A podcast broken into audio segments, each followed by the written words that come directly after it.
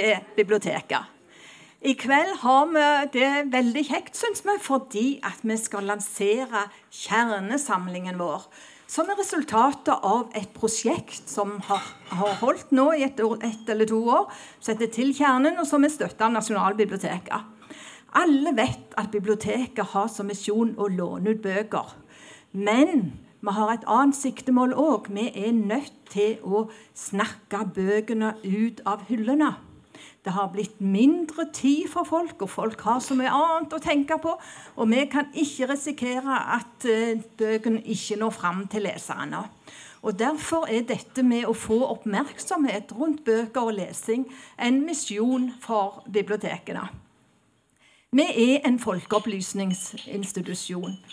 Og på en annen side kan vi si at vi er en institusjon for dannelser. Alt etter hvilket språk en velger, egentlig.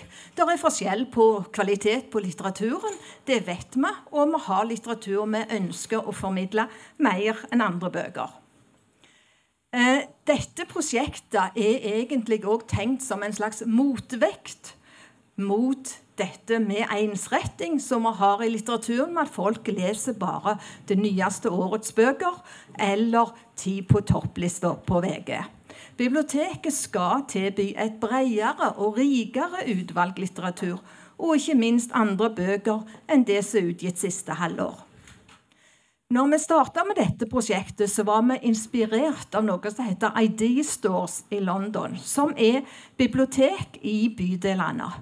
Der hadde bibliotekarene vært så ubeskjedne at de hadde plukket fram bøker fra samlingene og rett og slett sagt dette syns vi dere burde lese. Eh, så vi har gått i gang og funnet bøker, vi òg, som vi syns at alle bør lese. Men når vi da plukker ut bare 100 bøker, holder vi da litteraturen levende? Gjør vi ikke mer ensretting? Lager vi ikke en form for kanon, sånn som politikerne nettopp nå har hevda er viktig, og noe vi bør gjøre? Nei, vi mener det motsatte. Eh, denne kanonen vår er ingen fasit. Dette er et utvalg av det beste som Bergen offentlige bibliotek har å tilby.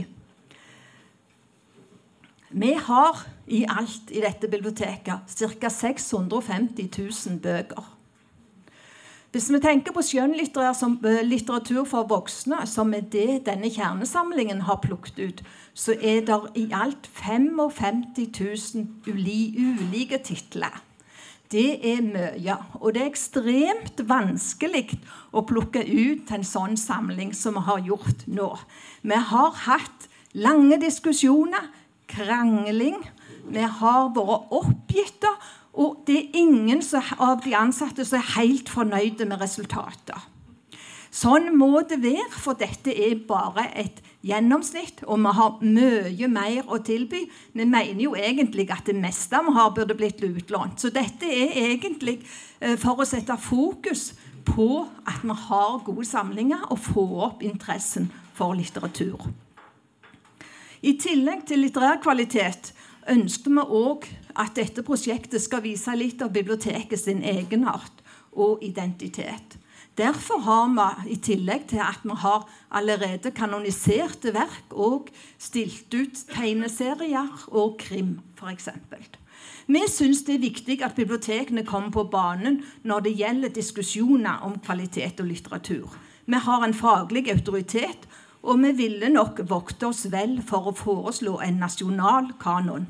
Men lokalt håper vi at dette vil fremme litteraturinteressen og føre til gode samtaler om litteratur. Og jeg kan love at bibliotekarene på Bergen offentlige bibliotek har blitt enda bedre til å gi gode lesetips etter alle disse diskusjonene og kranglene vi har hatt om de beste bøkene i kjernen. Vi hadde òg f.eks. på mandag en diskusjon her der Thomas Espedal sa at Goethe ikke ville kommet inn på Skrivekunstakademiet i Bergen. Det var ganske interessant, og jeg måtte smile litt. For at en av diskusjonene vi hadde en, på en av samlingene i Til kjernen, var om Goethe.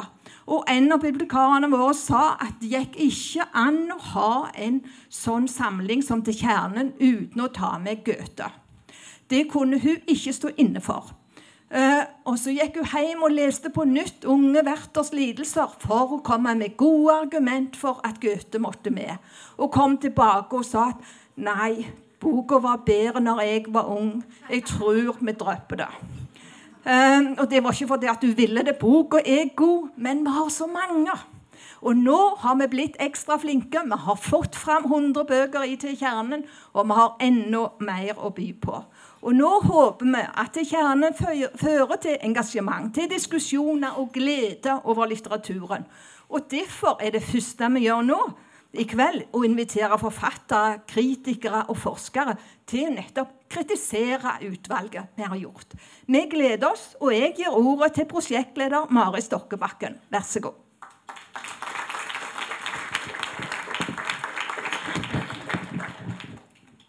God kveld. I to år nå så har jeg hatt gleden av å lede dette prosjektet som heter Til kjernen.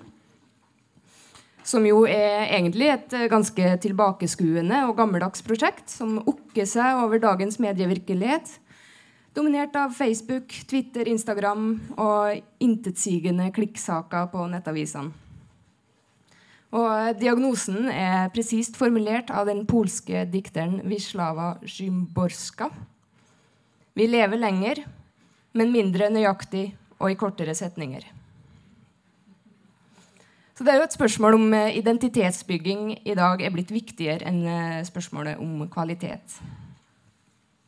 Men så har vi jo erkjennelsen at Bergen offentlige bibliotek er ikke det spor bedre enn noen andre. Vi er opptatt av identiteten vår, vi òg. Og vi ønsker absolutt ikke å framstå som et eh, sånt tilbakeskuende 'alt var bedre før'-bibliotek. Vi vil være innovativ og optimistisk. Og eh, optimismen ligger jo i det at eh, biblioteket når jo faktisk ut til flere enn eh, noen gang.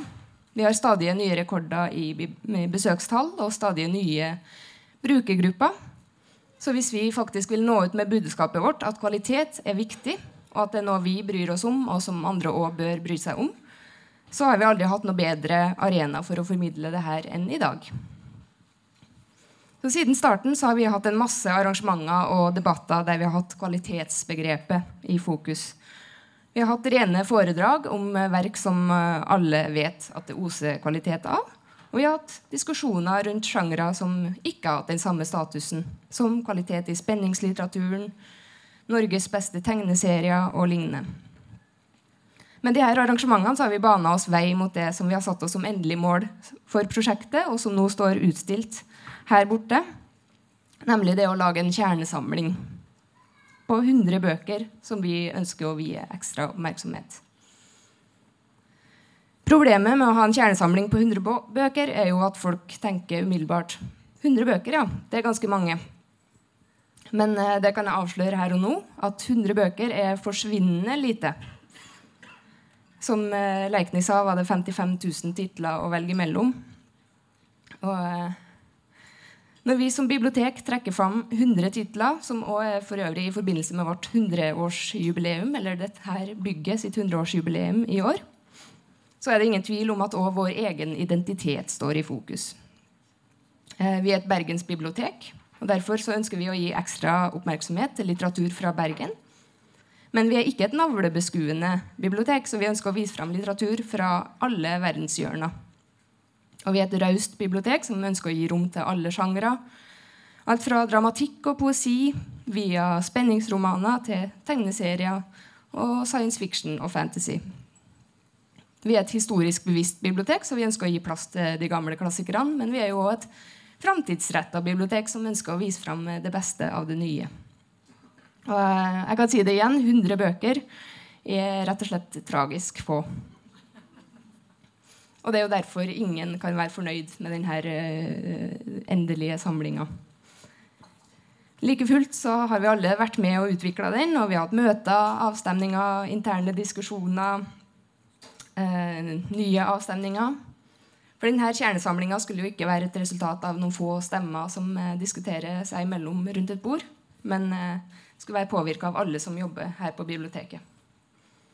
Og jeg må si jeg er ganske stolt over det utvalget vi har eh, landa på i dag. Selv om selvfølgelig ikke engang er 100 fornøyd. Kjernesamlinga er jo ingen komplett kanon. Men det er utvalgte representanter fra kanon vil du finne.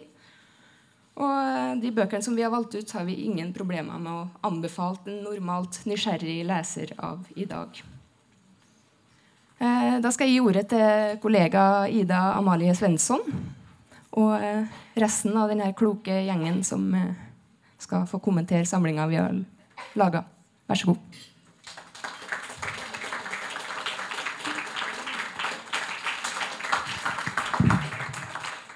Takk til Leikne og takk til Mari, og eh, velkommen til debatt. Eh, den har fått en noe lang og kronglete tittel og heter 'Men hva skal vi med en slik kjernesamling', da? Og er den god nok? Eh, I kveld så har biblioteket samla et knippe med fagfolk for å høre hva dere tenker om utvalget i den nye kjernesamlinga vår. Og Samtidig som vi har jobba med ferdigstillinga av prosjektet, her, så har det jo oppstått en debatt om, kring norsk kultur- og litteraturkanon i etterkant av Høyre sitt programforslag om å sette sammen en slags toppliste over norsk kunst og kultur. Og Det er fremdeles en diskusjon som pågår, og vi håper å komme inn på den i løpet av tida vi har til rådighet her. til å diskutere de problemstillingene her i kveld så har vi et veldig kompetent panel med oss. Og Det er Margunn Vikingstad, som er eh, litteraturkritiker i Morgenbladet og oversetter. Og så arbeider du med en essaysamling som har eh, tittelen 'Å finne en utveg'. Eh, vi har også med oss Frode Elmik Pedersen, som er postdok i allmennlitteraturvitenskap ved Universitetet her i Bergen. Og redaksjonsmedlem i tidsskriftet Vinduet. Og så har vi her Henning H. Bergsvåg, som er forfatter av en rekke diktsamlinger og senest 'Du er ikke her', som utkom på Gyllendal i høst. Og underviser også i kreativ skriving. Så eh, velkommen til dere. Takk for at dere er med oss her i kveld. Um, som vi just har hørt, så består jo denne kjernesamlinga her av om lag 100 titler, eller presist 100 titler, som biblioteket ønsker å vie ekstra oppmerksomhet til. Uh, og Målet er jo å bruke denne kjernesamlinga som et slags formidlingsredskap til å løfte frem kvalitetslitteratur.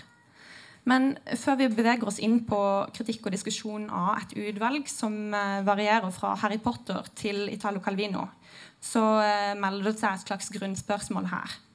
Eh, det er jo gitt at litteratur ikke kan eller skal vurderes etter et sett med objektive kriterier. Men jeg vil gjerne høre av dere hva er det som kjennetegner opplevelsen av litterær kvalitet personlig og eller faglig i møte med en skjønnlitterær tekst? Henning, kan du tenke deg å begynne? Eh, hvis jeg møter en, eh, en, bok, så tenker jeg at det første jeg leter etter, er en form for risiko, eller en, at jeg opplever at språket eller forfatteren tar en sjanse med det han eller hun skriver. Altså Det skal være et nærvær av noe som kan gå galt på en eller annen måte. Eh, det er vel kanskje det nærmeste jeg kommer. Disse tingene er veldig vanskelig Eh, dette er jo mitt personlige syn. Altså, jeg, jeg, vil se en overskridelse. Jeg vil se at noe rakner, går i stykker, sånne ting i selve språket. Men eh, som denne listen er et uh, tydelig tegn på, så går jo man til litteraturen med helt forskjellige hensikter og få, å hente ut helt forskjellige ting. De aller fleste lesere vil kanskje oppsøke en bok for å lære noe om seg selv, lære noe om verden, uh, altså gå inn, uh, leve med hovedpersonen i en bok osv. Altså en, en sånn medfølende lesning. da. og det er jo helt greit. Og derfor trenger jeg at, at Derfor trenger denne listen å være så uh, komme inn fra så mange vinkler som, som det den gjør her. Uh, det er veldig mange bøk, bøker her som jeg har lest, og som har gitt meg null og niks. av typen Uh, oi, dette lignet Eller hva skal man kalle det? Oi, dette var Sånn har jeg det også. Eller dette, dette kjente jammen meg igjen fra mitt liv. Sant? Du har moderne forfattere som For å bare unngå å snakke om de på listen Moderne forfattere som Nina Lykke eller, eller lignende, som skriver, skriver erfaringer i dag, og så, og så, skal folk kjenne seg igjen. og så skal de men så er det vanskelig å finne noe sånn merverdi utover det og det, det, det mandatet der. da. Eh, ja. jeg tenker at ja, kan, nå, vi, vi, snakket litt om det, for vi har ikke innledninger. da. Så, vi, så, vi, så, jeg tipper at de første svarene kommer til å være rundt fire minutter. da. Fra alle. Det, det tipper jeg. Så jeg har bare ett et tillegg. da. Eh, altså Litterær kvalitet er et fryktelig vanskelig begrep som jeg er villig til å forsvare langt på vei. da. Noe er bedre enn noe annet. Sånn vil det alltid være. Eh, men jeg tenker at, at litterær kvalitet det er rett og slett det premisset som en tekst setter opp for seg selv og hvordan det besvarer det premisset, eller hvordan det går i møte eller bryter med det premisset det selv har skapt. Det må være sånn jeg leser en uh, bok. Så da kan jo noen, uh, en kritiker f.eks. si at ah, nå skrives det altfor mye bøker som er sånn, eller nå er det, nå er det alt for mye sånn. Men det mener jeg er helt, uh, helt meningsløst. For enhver bok har selv rett til å lage sitt eget premiss. og og ingen tema eller, eller, eller, form er i seg selv uinteressant. Men det er hvordan man bryter med den, eller hvordan man eh, lager en, eh, ja, et svar på den. Så det var de ja, to-tre momenter. Ja. Eh, da er det kanskje naturlig å gå videre til kritikeren i panelet her. Du må gjerne imøtegå eller ja, fortelle litt om hva som ja, Kanskje jeg bare skal snakke ja, litt hva jeg sjøl tenker litterær kvalitet er. Altså jeg, jeg, jeg, tenker at det er en blanding av eh, personlig smak og noen sånne kriterier på et eller annet vis. da. Eh, ikke objektive, men eh, dog kriterier. Og, altså, det kan være liksom alt ifra altså, det handler jo ofte om en språk, altså noe så språklig, altså en språklig kompleksitet. Det handler om originalitet. Og jeg eh, syns jo noe som er litt sånn er litt for lite trekk fram, er jo humor. er en kvalitet i, i mange bøker. Eh, og så er det det at jeg tenker at eh, mye god litteratur har en eller annen sånn eh, provokasjon i seg. Altså Det kan være alt ifra at det er provoserende eh, karakterer til at eh, ja, det er et eller annet som gjør at du blir litt sånn rykt ut. da mer enn da gjenkjennelse som en, sånn der, som, som en kvalitet. Men klart altså, gjenkjennelse altså, det, det er vel noe liksom, som er litt sånn typisk så en, en uh, profesjonell leser som en kritiker har hatt sånn problemer med. Da, at det er liksom folkets måte å lese litteratur på. Jeg ser jo mer og mer at gjenkjennelse er en viktig bit. Da. Det er jo en av grunnene tenker jeg, til at, uh, at Knausgård f.eks. har klart å få både liksom favna favne den profesjonelle leseren og den leseren der ute med og klarer å skildre noe som både er spesifikt hans, og så er det noe sånn som handler om gjenkjennelse. Det tror jeg er, er ja, måten jeg tenker kvalitet på. Mm. Frode, hva tenker du? Eh, vel, Først vil jeg jo rose biblioteket for eh, å ha satt søkelyset på litterær kvalitet. Fordi at eh, litterær kvalitet, tanken om litterær kvalitet er jo under et visst press i vårt samfunn, og ikke minst i skoleverket. Så jeg vil si at eh, at biblioteket nå tar dette initiativet, er, er, veldig bra. Og det at vi i det hele tatt snakker om litterær kvalitet og anerkjenner det, er veldig bra.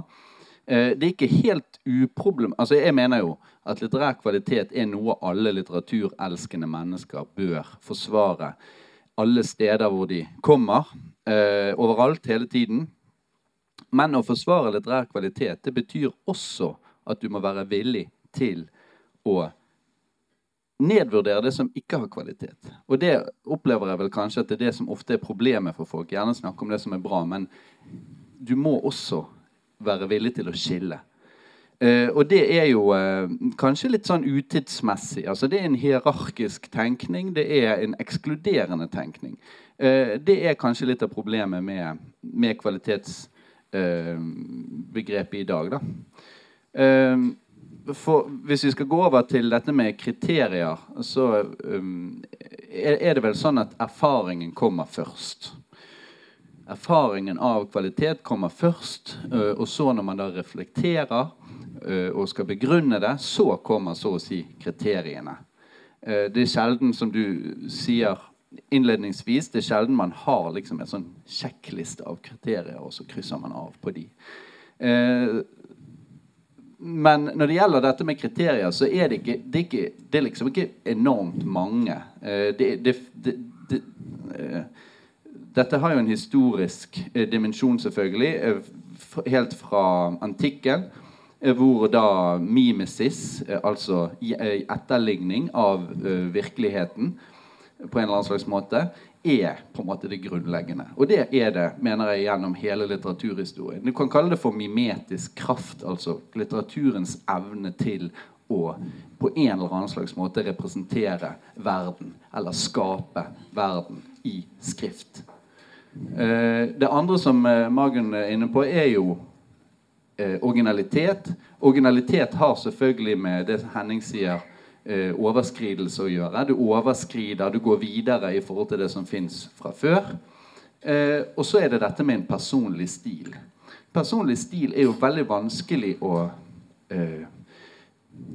påvise sånn si, vitenskapelig. Men du kan jo ta Dag Solstad, som er etter mitt syn den som har Dag Solstad og Ture Erik Lund, etter mitt syn. De som har den absolutt klarest personlige stil i norsk litteratur i dag. Eh, Ture Erik Lund for øvrig savner jeg eh, på listen, da. Eh, men du trenger, du trenger, ikke å lese mer enn en fire-fem-seks setninger før du vet at det er en bok av Ture Erik Lund eller Dag Solstad. Det er veldig gåtefulle ting, eh, men et helt åpenbart kriterium. Så personlig stil, altså. Ett av kriteriene. Um, en annen ting som jeg har vært litt nysgjerrig på før den samtalen, her, det er hva dere tenker at skiller eh, gode bøker fra kanoniseringsverdige bøker. Uh, som jo også er et slags sånn type umulig spørsmål som man sikkert kan diskutere i, i timevis. Men uh, av de tingene du har nevnt nå, går det an å tenke på en slags kvantifisering av, uh, av det? Altså at bøkene har tilstrekkelig personlig stil, eller eller går det an å tenke på det som en slags eh, eh, At slitestyrke kan være et slags annet kvalitetskriterium? Absolutt. Mm. absolutt. Mm. Ja. Um, ja, bare Siden du nå henvendte det til meg, så bare sier jeg det kort at jeg mener jo ikke at det er noe forskjell på kanoniseringsverdige bøker og bøker med litterær kvalitet. Det er, kanon er en liste over de bøkene som har høyest litterær kvalitet. Men det er jo noe med, med risikoen i å kanonisere helt ferske ting. Da. Så, altså, det, det, ligger jo i et eller annet i kanonbegrepet at det er kanskje en historisk, altså en, en tidsmessig distanse. Så, så jeg, men så jeg syns det er veldig bra at dere har gjort det. At dere har trukket opp helt til dagens, og, og, og, med den risikoen som ligger i det. Da, det er, og det, det, er jo noe så, en sånn type risiko som vi som kritikere lever med daglig. Så jeg tenker er det som gjør at det er kjekt å jobbe som kritiker. At du, du, må våge å mene noe om noe så plutselig enten du sjøl eller andre vil, vil, gå imot. Jeg, merker, altså, jeg opplever jo sjøl at en endrer mening eh, om et verk som en har har, eh, har, hatt sterke meninger i den ene eller den andre retningen. Og det er jo noe av den risikoen som ligger. Og det, og det er litt sånn eh, for å være starta i det positive. Jeg tenker at det er, er veldig bra at dere som eh, bibliotekarer beveger dere inn på kritikerens felt. Da. Mener mer om kvalitet, og ikke bare er en sånn eh, en serviceinstitusjon som skal liksom legge til rette for, eh, for leseren der ute, og hva du eventuelt er interessert i, men har noen klare formeninger om hva hva er god bok, og hva er dårlig bok. Det tenker jeg er prisverdig, så en kritiker setter veldig pris på. Det er jo alltid veldig hyggelig med sånn fin ros. Eh, vi kan gå litt videre her. Eh, Kjernesamlinga består jo av disse 100 utvalgte verkene. Og dere har jo på forhånd fått tilgang til den lista. Eh, og nå er vi veldig spente på å høre hva dere tenker om selve utvalget. Eh, Marta Norheim i NRK har jo uttalt en gang at det eneste sånne lister som det her kan brukes til, det er å angripes. Eh, og nå har dere den gylne muligheten. Eh, hvilke tanker og observasjoner har dere gjort der i møte med kjernesamlingsutvalget? Vil du begynne, Henning? Ja, eh, nei, jeg kjenner jo igjen litt av dette. Jeg har jobbet på biblioteket før, akkurat da denne formidlingsbiten begynte. Eh, for ca. ti år siden.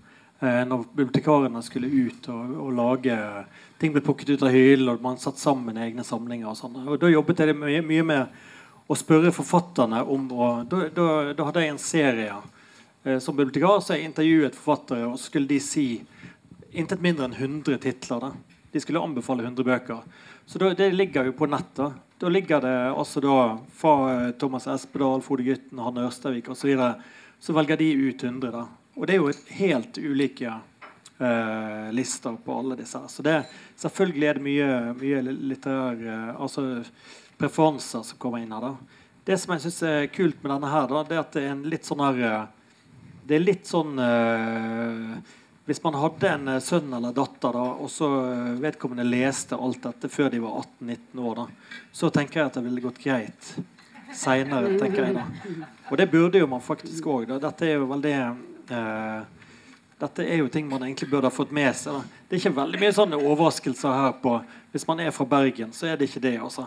Det, det er liksom inngangsporter til de fleste sjangerne. da. Eh, enten det er fantasy, eller om det er skuespill eller poesi, og sånn, så er det liksom de mest obvious valgene. da, eh, veldig mye. Eh, og sånn må det bare være. For det er jo det spørsmålet man får når man sitter i skranken. Skal, jeg har lyst til å begynne å lese fantasy. Hva, hva, ja, her kan du begynne. Så det, den har litt sånn preg av det, tenker jeg. da. Eh, og gode inge, eller Så kan man stille spørsmålstegn ved, ved liksom hvilken bok man har valgt ut fra det og det forfatterskapet. Der kan det være veldig eh, sterke meninger. da. Så kan vi komme litt tilbake til det med utelatelser. da. Ture Erik Lund er jo én ting. da. Men jeg syns kanskje det at uh, i det moderne, altså de siste 10-20 årene, da kan jeg være ganske uenig. da. Men det, vel, uh, det sier vel egentlig seg sjøl, i og med at jeg ikke har peiling på veldig mange av de bøkene som ikke kom i spotlighten på 50-tallet. holdt jeg på å si. Så det, det, er vel, det, er vel, helt naturlig. Men, uh, men, men den er, det er en sånn fin inngang til litteraturen. Så jeg tror den, den, svarer veldig godt på akkurat det den skal gjøre. da. Få, få i gang leselyst, og, og, at man kan få nettopp en sånn som, eh, som eh, noen holder opp denne her. altså En litt sånn Pokémon eh, catch em all-følelse. altså At du kan lese det opp. Jeg husker når jeg lagde den, det intervjuet med, med Frode, var det vel. Så husker jeg at det kom en dame to år etterpå at den listen kom ut og sa ja, nå har jeg lest alle bøkene på, på Frode-gutten sin liste. Så, det, så det, man kan jo håpe at noen tar det veldig alvorlig også, og, og kjører seg opp på alt. da. Men eh, ja. Ja. Det må jo være målet her. Ja. Eh, hva tenker du, Frode? Eh, jo, altså Når det gjelder eh, denne listen Nå leste jeg jo dette innlegget i Bergens Tidende i dag. Sant? Og Der står det jo da at eh, eh, man skal um, Man har et samfunnsoppdrag, og, det, og, listen skal på en måte reflektere det. Så ja, Hva er det samfunnsoppdrag? Jo, det er å forvalte den litterære tradisjonen i offentligheten. Veldig bra. Samstemmer. 100 eh, Og så kommer det da Men i dag er det demokrati med bredde og aktualitet som er idealet for utvalget av bøker vi låner ut. Slik vi, mener vi at det bør være. Som fellesskapsinstitusjon er det vår oppgave å romme hele fellesskapet. Uh, og listen bærer jo preg av altså på, uh, For å si det sånn uh, Dette to utvelgelseskriterier som står i et motsetningsforhold til hverandre. Hvis kjernesamlingen ideelt sett bør reflektere flertallets preferanser slik disse tar seg ut her og nå, så er det etter mitt syn det stikk motsatte av å forvalte den litterære tradisjonen i offentligheten. Med mindre man da skulle mene at flertallets preferanser i, er i samsvar med den litterære tradisjonen. Uh, sånn at uh, uh, Biblioteket forsøker på en måte å ri to hester samtidig. Og det syns jeg listen bærer veldig preg av. Så kjernesamlingen er blitt en slags hybrid. Altså Den består på den ene siden av folk, bøker som folk uansett liker å lese, og som de egentlig ikke trenger noe veiledning for å finne frem til. F.eks. Gunnar Staalesen, Tolkien, Rowling og sånn. I tillegg da, til kanoniske verker. Uh, sånn at Her er det en sånn slags spenning i selve listen, sånn som jeg ser det. når det gjelder dette med kanon, bare for å si det helt kort Dette med kanon og demokrati, da, som her på en måte ble satt opp som to motstående størrelser Det er en stor misforståelse når det gjelder kanon, som også kommer frem av denne regjeringens forslag. Kanon er ikke noe man vedtar kanon ikke noe man kan bestemme på biblioteket, eller som man kan bestemme på Stortinget eller av en regjering. Kanon fins. Spørsmålet er hvem vil forsvare kanon? Eh, sånn at det, ikke noe, det, altså det der å prøve liksom å, å, å, å, få et verk inn i kanon, det, det, er ikke opp til noen av oss. Og det er nettopp det som er det demokratiske med kanon. For hvis kanon var noe som var blitt vedtatt, så ville jo kanon være noe som maktpersoner på universitetet eller biblioteket eller Stortinget eh, tredde nedover hodene på folk. Men kanon står, og kanon er der. Eh, og eh, den er ikke eh, autoritær. Kanon er en Tilgjengelig for alle, stenger ingen ute. Det er fritt frem. Det er bare å sette i gang, låne bøkene, begynne å lese. Men det tar tid. Det krever noe av deg.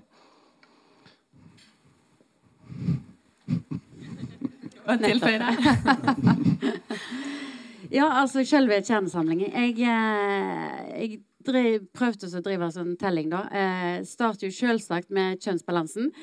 Eh, 36 kvinner kunne absolutt vært flere kvinner. Kunne vært 50-50. Det, eh, det hadde vært en bra kanon, tenker jeg. Liksom det, den, så der er, er det er et Nei, men altså, det, er jo en, det, er jo noe å diskutere, da, for det er jo helt klart det. Altså, Kjønnsbalanse er alltid et eller annet det, det, sier et eller annet om, om, kan, hvordan en leser litteratur. Men du kan ikke hevde mange... at en bok blir bra fordi at den er skrevet av en kvinne? Nei, Frode, det vet du at vi driver ikke der. Ja, men Det er jo det som er implikasjonen i det nei, du sier. Men, nei, men altså, det handler jo om, om hvordan en, hva, hva bøker en finner fram. Så det, det er et, et innspill her. Fabelprosa, den, den, merker jeg liksom at er, der er det en god del sånne bøker så jeg tenker at ja, akkurat der kunne altså, Noen er, er, blir plassert der på en, en, interessant måte, og andre kunne gått ut. Eh, da, jeg syns dere har hatt et veldig bra utvalg av tegneserier som klarer liksom å gjøre det. Altså, altså de få, men veldig gode. Altså, der er det Lene Ask, og så er det Steffen Kvernland, og så er det eh, Persepolis. Og, så det, det, det syns jeg var, merkte seg ut som en sånn veldig sånn fin, smal, nydelig utvelgelse. Og så syns jeg det er bra dere har med dramatikken. Eh, det som er litt sånn interessant å se, så, så kanskje er det, er, er det, beste med det, som har vel blitt kommentert i andre sammenhenger, er den lokale varianten. Hvem er det som har fått være med der? Og det er noe som gjør at denne, denne kanonen deres er litt sånn mer interessant. Men jeg tenker jo at det er en jeg syns jo det er én som mangler helt sånn markant. da, og det er jo altså Dere har jo rett og slett en eh, Bergens eh, Lars Saabye Christensen i Pedro Carmona Alvarez. Han er ikke med. Det tenker jeg liksom helt sånn opplagt at han burde vært med. Ikke minst med den siste romanen sin, altså Bergens Teater. Så er det liksom en sånn der, så, så er det en sånn eh, klar mangel på altså spesifikke forfatter og spesifikt verk. Og ellers er det jo litt sånn eh, Jeg tenker det er absolutt spesifikke verk å diskutere. Jeg tenker Eh, Agnes Ravatn er kommet med. Hun burde vært med der pga. essaystikken sin. tenker jeg. Eh, Vigdis Hjorth var det vel blitt noen sånne endringer, men jeg tenker der er det jo Leve posthornet bør burde stått der uansett.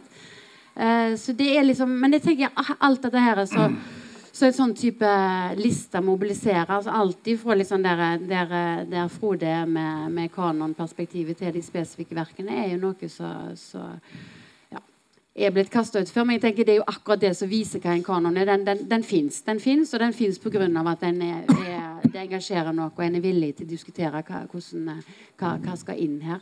Så ja, det, det, det, er smalt og bredt, og noe av det brede tenker jeg kunne vært luka fint ut. For det Ja, vi trenger det ikke det. Men, men, men, men, det gikk, men mitt poeng var at det ikke er en kanon. Dette er en liste over anbefalte bøker fra biblioteket sin side. Det er nettopp ikke en kanon. Det er masse verker her som ikke er kanoniske. Ja, ja. ja men det er jo liksom en, en, kilde til å diskutere hva er en kanon, og hva ja. burde altså hva, hva, er det som er, er hva, hva, hva, er liksom kjernen i, i, i ja, hva, Hvordan skal en kanon eventuelt Eller, eller hvordan oppstår den, og hva, er det den rommer? Så mm. Det er nok et av poengene her å sette i gang de diskusjonene. Eh, nå var jo du eh, litt inne på, på, ting du følte åpenbart mangla. Jeg vet at det var eh, harde kamper om Pedro i, i ja, kulissene. Nettopp. Mm. Um, Henning, hva tenker du? Var det noen sånne åpenbare utlatelser som du stussa på? Er vi der allerede? Ja. Det er der vi er. Skandalen. ja. Skandalen her er at Øyvind Odlands problem med de to-tre studentene ikke er på denne listen. Så kanskje den beste romanen som er eh, skrevet på flere tiår. Når du har en eh, kategori som heter eh, Bergenskanon, eller hva det heter. Sant? Det går ikke. Og så eh, kan jo du Hvorfor ikke William Faulkner her, f.eks.? Kanskje eh, forrige århundres viktigste forfatter. Eh, hvis du først har fabelprosa, hvorfor ikke Francois Rabelais? Gargantua og Pantagruel skrevet på 1300-tallet. Helt vilt bra. Og helt ko-ko. Uh, og sånne ting. da. Men det, men det, er jo bare sånne rablinger fra et nachspiel. Det, det er vanskelig å, vanskelig å liksom det blir jo litt personlig smak òg, da. Men jeg, jeg, tenker jo det at uh, Ok, poesifeltet som jeg kan litt om, da er jo ikke litteraturviter, sant? men uh, jeg, jeg, jo, jeg, har jo lest mesteparten av dette gjennom livet. da. Litt, akkurat på, på poesien så, så, tenker jeg at det er litt Ja, det mangler Det er litt sånne slappe, slappe greier, da. Det, det, er litt sånn altså Det er mange typer poesi som ikke er representert på denne listen. Eh, og Da tenker jeg spesielt på, på det som utfordrer sjangeren sjøl. Det er veldig mye uh, ting som er helt nydelige her. Sant? Når man velger Jan-Erik Vold-bok, så tar man da uh, Mor Godhjerta, og så har man med Nyquist der. Og så en del uh, nye forfattere, sånn som så, sånn så hun uh, Inger-Elisabeth Hansen og sånne ting, som, ikke, som er sånn her Ok, det kunne vært gjort på 70-tallet, 60-tallet, men de holder nå på. sant? Og, og, så jeg skulle ønske at det var litt sånn eh, hvor hvor er de som tar tak i og rusker litt i den sjangeren? der? Så det, men ok, så skal man lage en populær liste. da. Det er jo tydeligvis uh, det, det, er jo en viktig del av Så jeg tenker at jeg greier ikke å se på det som annet enn sånn anbefalingsliste til 17-åringer som har lyst til å, å begynne å lese bøker på en måte. Det er en inngang til alle disse sjangrene. Mm. Uh, Istedenfor å ta et, uh, et drøyt grep og, og, sende de rett på et eller annet uh, skikkelig. da. Inngangsliste til 17-åringer. Ja. Er du enig, Frode? nei, nei det trenger ikke være Du kan være til alle. Men, men uh, ja, for å ta denne litt sånn uh, Mine innvendinger, da. så Hvis vi først holder oss til Norge og Norden så kan vi jo da spørre hvorfor er Wergeland, Bjørnson, Vinje, Kielland, Li, Garborg, altså hele den, nesten hele den norske gullalderen, valgt bort til fordel for Jon Bing, Tor Åge Bringsværd, Karen Fossum, Gunnar Staalesen, Marit Eikemo, Thomas Espedal og vår gode venn Erlend Nødtveit. Etter hvilke kriterier har man foretatt en slik vurdering? Aktualitet? Kan man tenke seg en norsk kanon uten Henrik Wergeland? Jeg tror ikke det. Neste internasjonalt.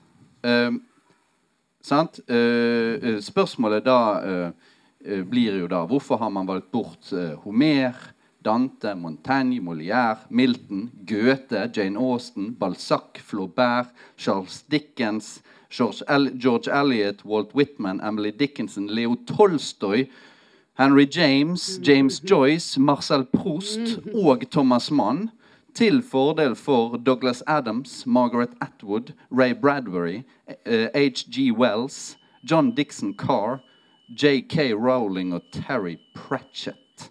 Mm. Sant? Det er jo B-laget som er kommet inn uh, istedenfor A-laget. Uh, og, og, nesten hele den modernistiske romankanoen er borte. Faulkner nevnte han. Jeg glemte å si. Faulkner Uh, er like viktig.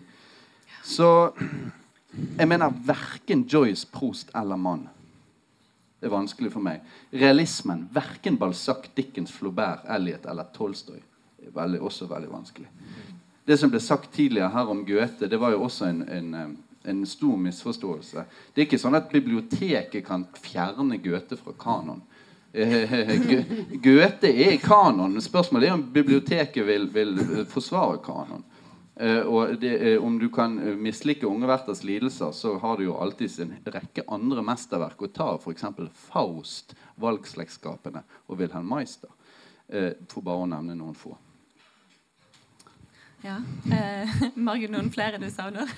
ja, altså jeg må jo bare slutte meg til Spesielt jeg tenker jo eh, spesielt på det franske. Der er det jo minimalt med, med verker. Og spesielt Marcel Proust tenker jeg er liksom helt sånn der opplagt burde vært med. Og så jeg er enig altså Garborg. altså De to tenker jeg altså skiller seg ut. og De burde vært med. Det er liksom sånn, Uten å komme med den lange lista til Frode, så tenker jeg de er liksom helt sånn opplagt. Og og det gjør jo kanskje til at jeg tenker at, eh, at Henning på, på, sitt vis har rett. Da. At den retter seg mot et uh, uh, ja, ungdommen på et eller annet vis. Dette bør dere lese for liksom, å, å, komme i gang. Og så, og så får dere få de eh, skikkelige verkene etter hvert. At det, det, det liksom er sånn minste multi, multiplum her. Og så, er det, så det er jeg nok eh, altså, til dels enig i, Henning. Mm.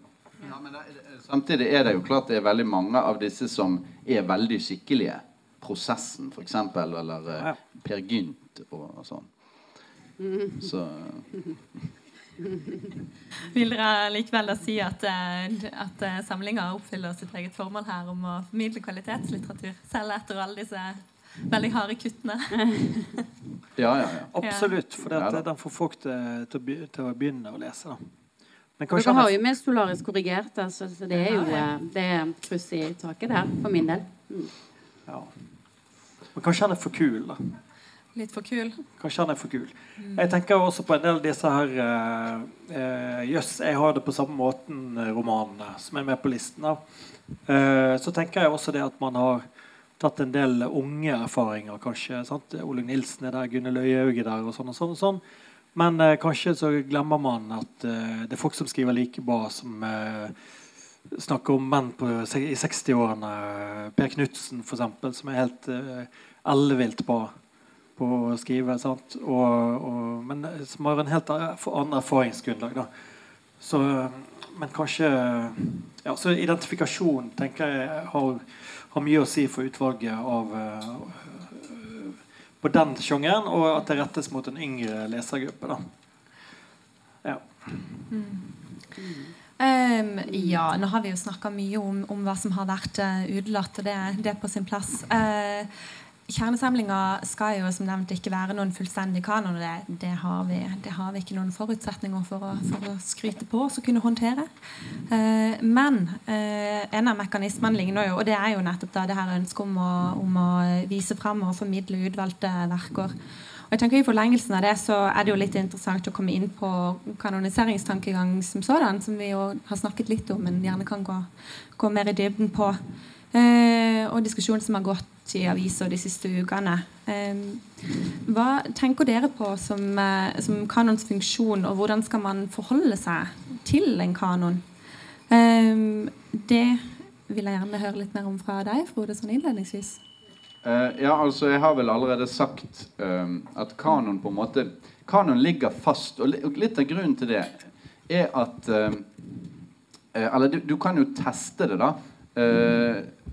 Du kan f.eks. prøve å kanonisere et verk som er falt ut. Uh, eh, f.eks. Bjerregård, eller, eller, noe sånt. Som er på Wergelands tid. Prøv å, prøv å, argumentere for at det skal inn i kanon. Det lar seg ganske enkelt ikke gjøre. Hvorfor? Vel, det er, annet, det er et eller annet objektivt her. Det er et eller annet som gjør at noe lever, og noe lever ikke. Uh, og, og det, er, det, er, en gåtefull historisk prosess. Sånn at Det er meningsløst å snakke om kanon de siste 30-40 år. Det vet vi ikke ennå. Det, det, må vi bare gjette på. Det, er bare, uh, det blir egentlig mest personlige preferanser. og sånn. For det, er et eller annet objektivt med kanon. Om du, om du vil slippe unna ordet objektivt, så kan du si uh, transsubjektivt eller et eller annet sånt. Altså, som gjelder da for alle, og som gjelder opp gjennom historien. Uh, og det er litt eh, sånn at det eh, ja, sånn at det, det, går ikke an å kanonisere, sånn som, sånn som det ble hele tiden nå forutsatt. Man kan ikke altså, Kanon oppstår ikke som et resultat av arbeidet til en komité eller gjennom avstemming. Det er en historisk prosess. Ja. hvordan har du forholdt deg til kanon som forfatter, Henning?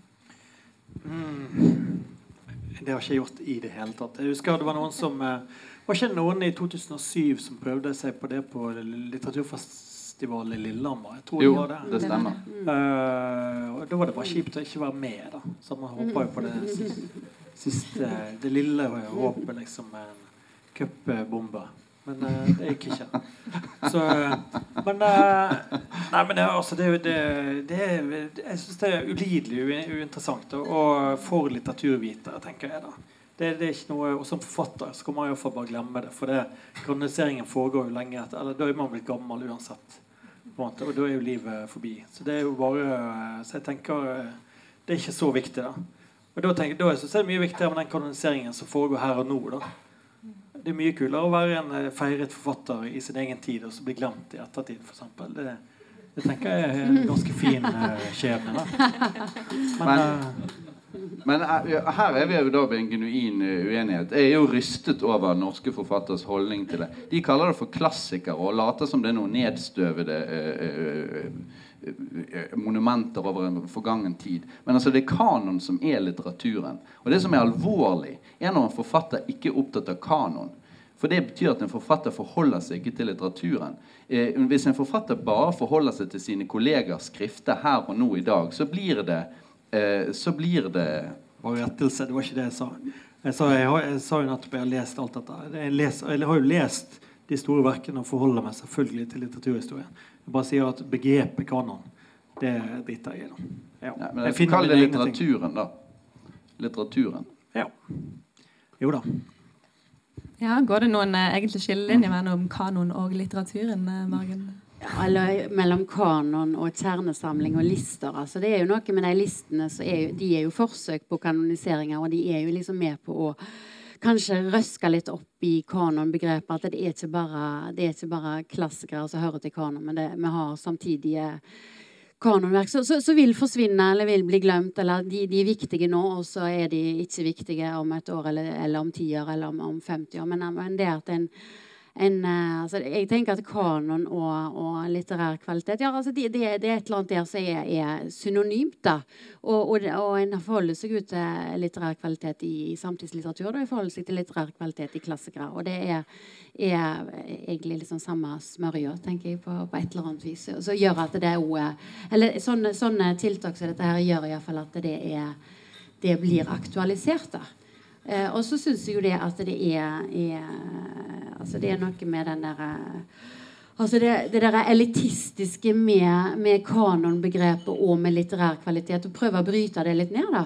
For det er jo noe med at det ligger liksom en gang du skal mene at noe er godt. Så du sier jo, altså Når du mener noe godt, så må du mene at noe er dårlig. Og det er et eller annet sånn problematisk med det, tydeligvis for oss i et litt sånn sosialdemokratisk samfunn. Men hvorfor er det det? liksom? Det er jo helt opplagt at vi driver og skiller mellom godt og dårlig på så mange felt, og så er det likevel et eller annet sånn Folk får litt sånn noia med det, eller visse deler av, av, av, visse deler av kulturen og visse deler av det politiske feltet har veldig sånn store problemer med det. Det er jo, det er jo problematisk i seg sjøl at det skal være ja, det, det, der er veldig interessant. Og jeg så, for jeg så nylig en sånn empirisk undersøkelse av det.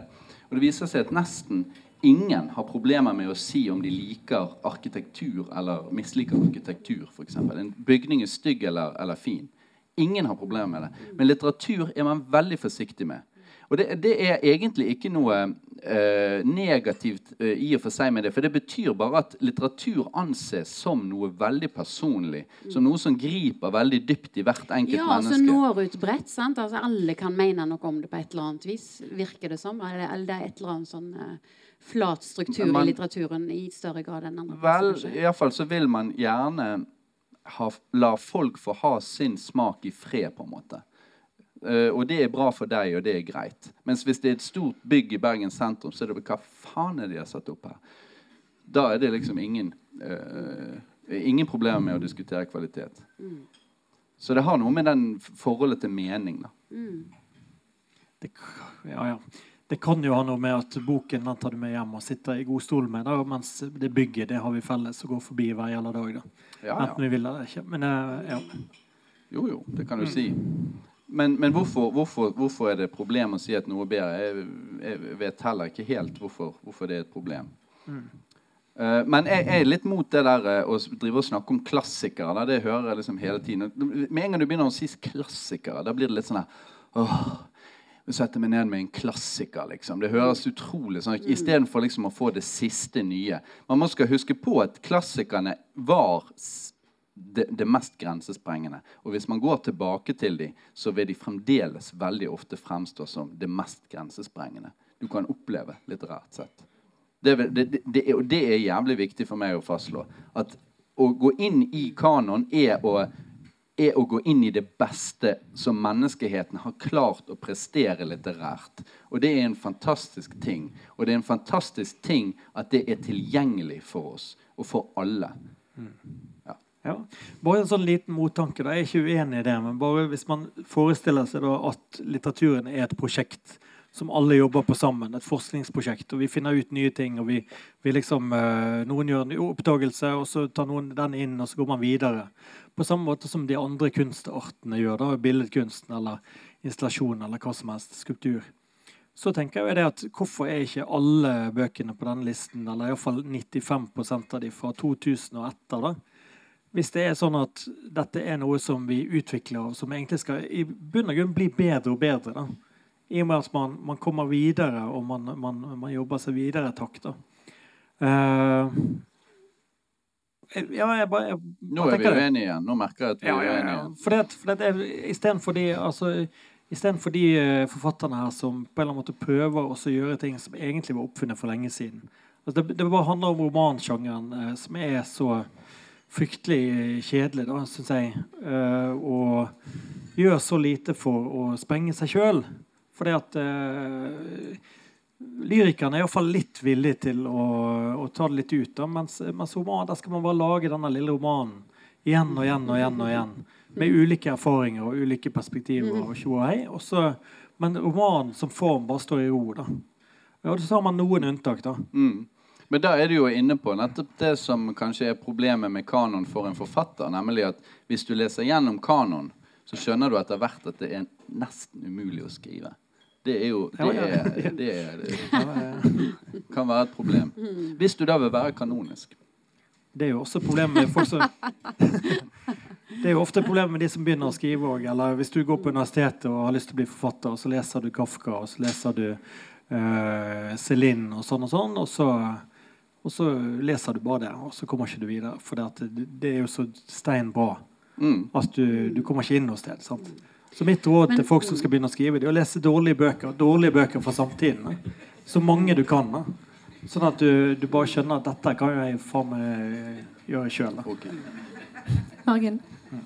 Altså, det er jo altså, Det som er litt sånn eh, interessant, er jo det å diskutere hva er det altså, Ta, ta romanen, da. Altså, det ble skrevet fryktelig mange romaner i, i Norge. da.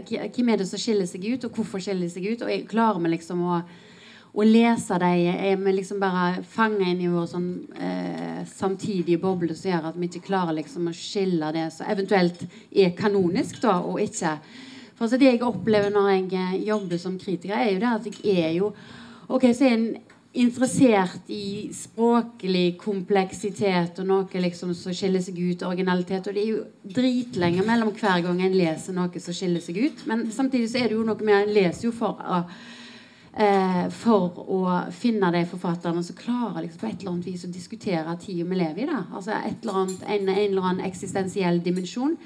Og det er jo det er godt mulig at det er ikke noe eh, kanonisk i det i det hele tatt. Altså den, den har liksom sin Altså Jeg tenker sånn konkret på eh, ja, Ta, ta f.eks. Marit Eikemo, da. Så jeg syns jeg klarer liksom å gå inn i vår samtid på en, eh, en veldig sånn tenkende, interessant måte. Men jeg, jeg, altså, Nå kaster jeg ut noe her, kanskje.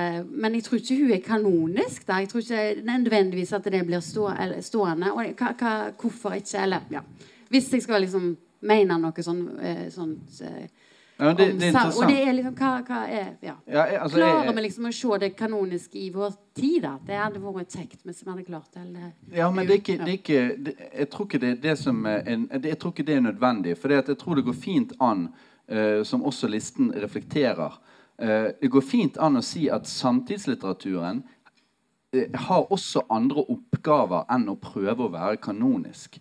Eh, de aller ja, fleste vil jo skylles vekk. sant? Ja, ja. Men mm. samtidslitteraturen mm. er noe annet, og er alltid noe annet, i tillegg til at man gjerne prøver å lage så god litteratur som mulig, selvfølgelig. Mm. Men det er også en fortløpende kommentar til vår tid.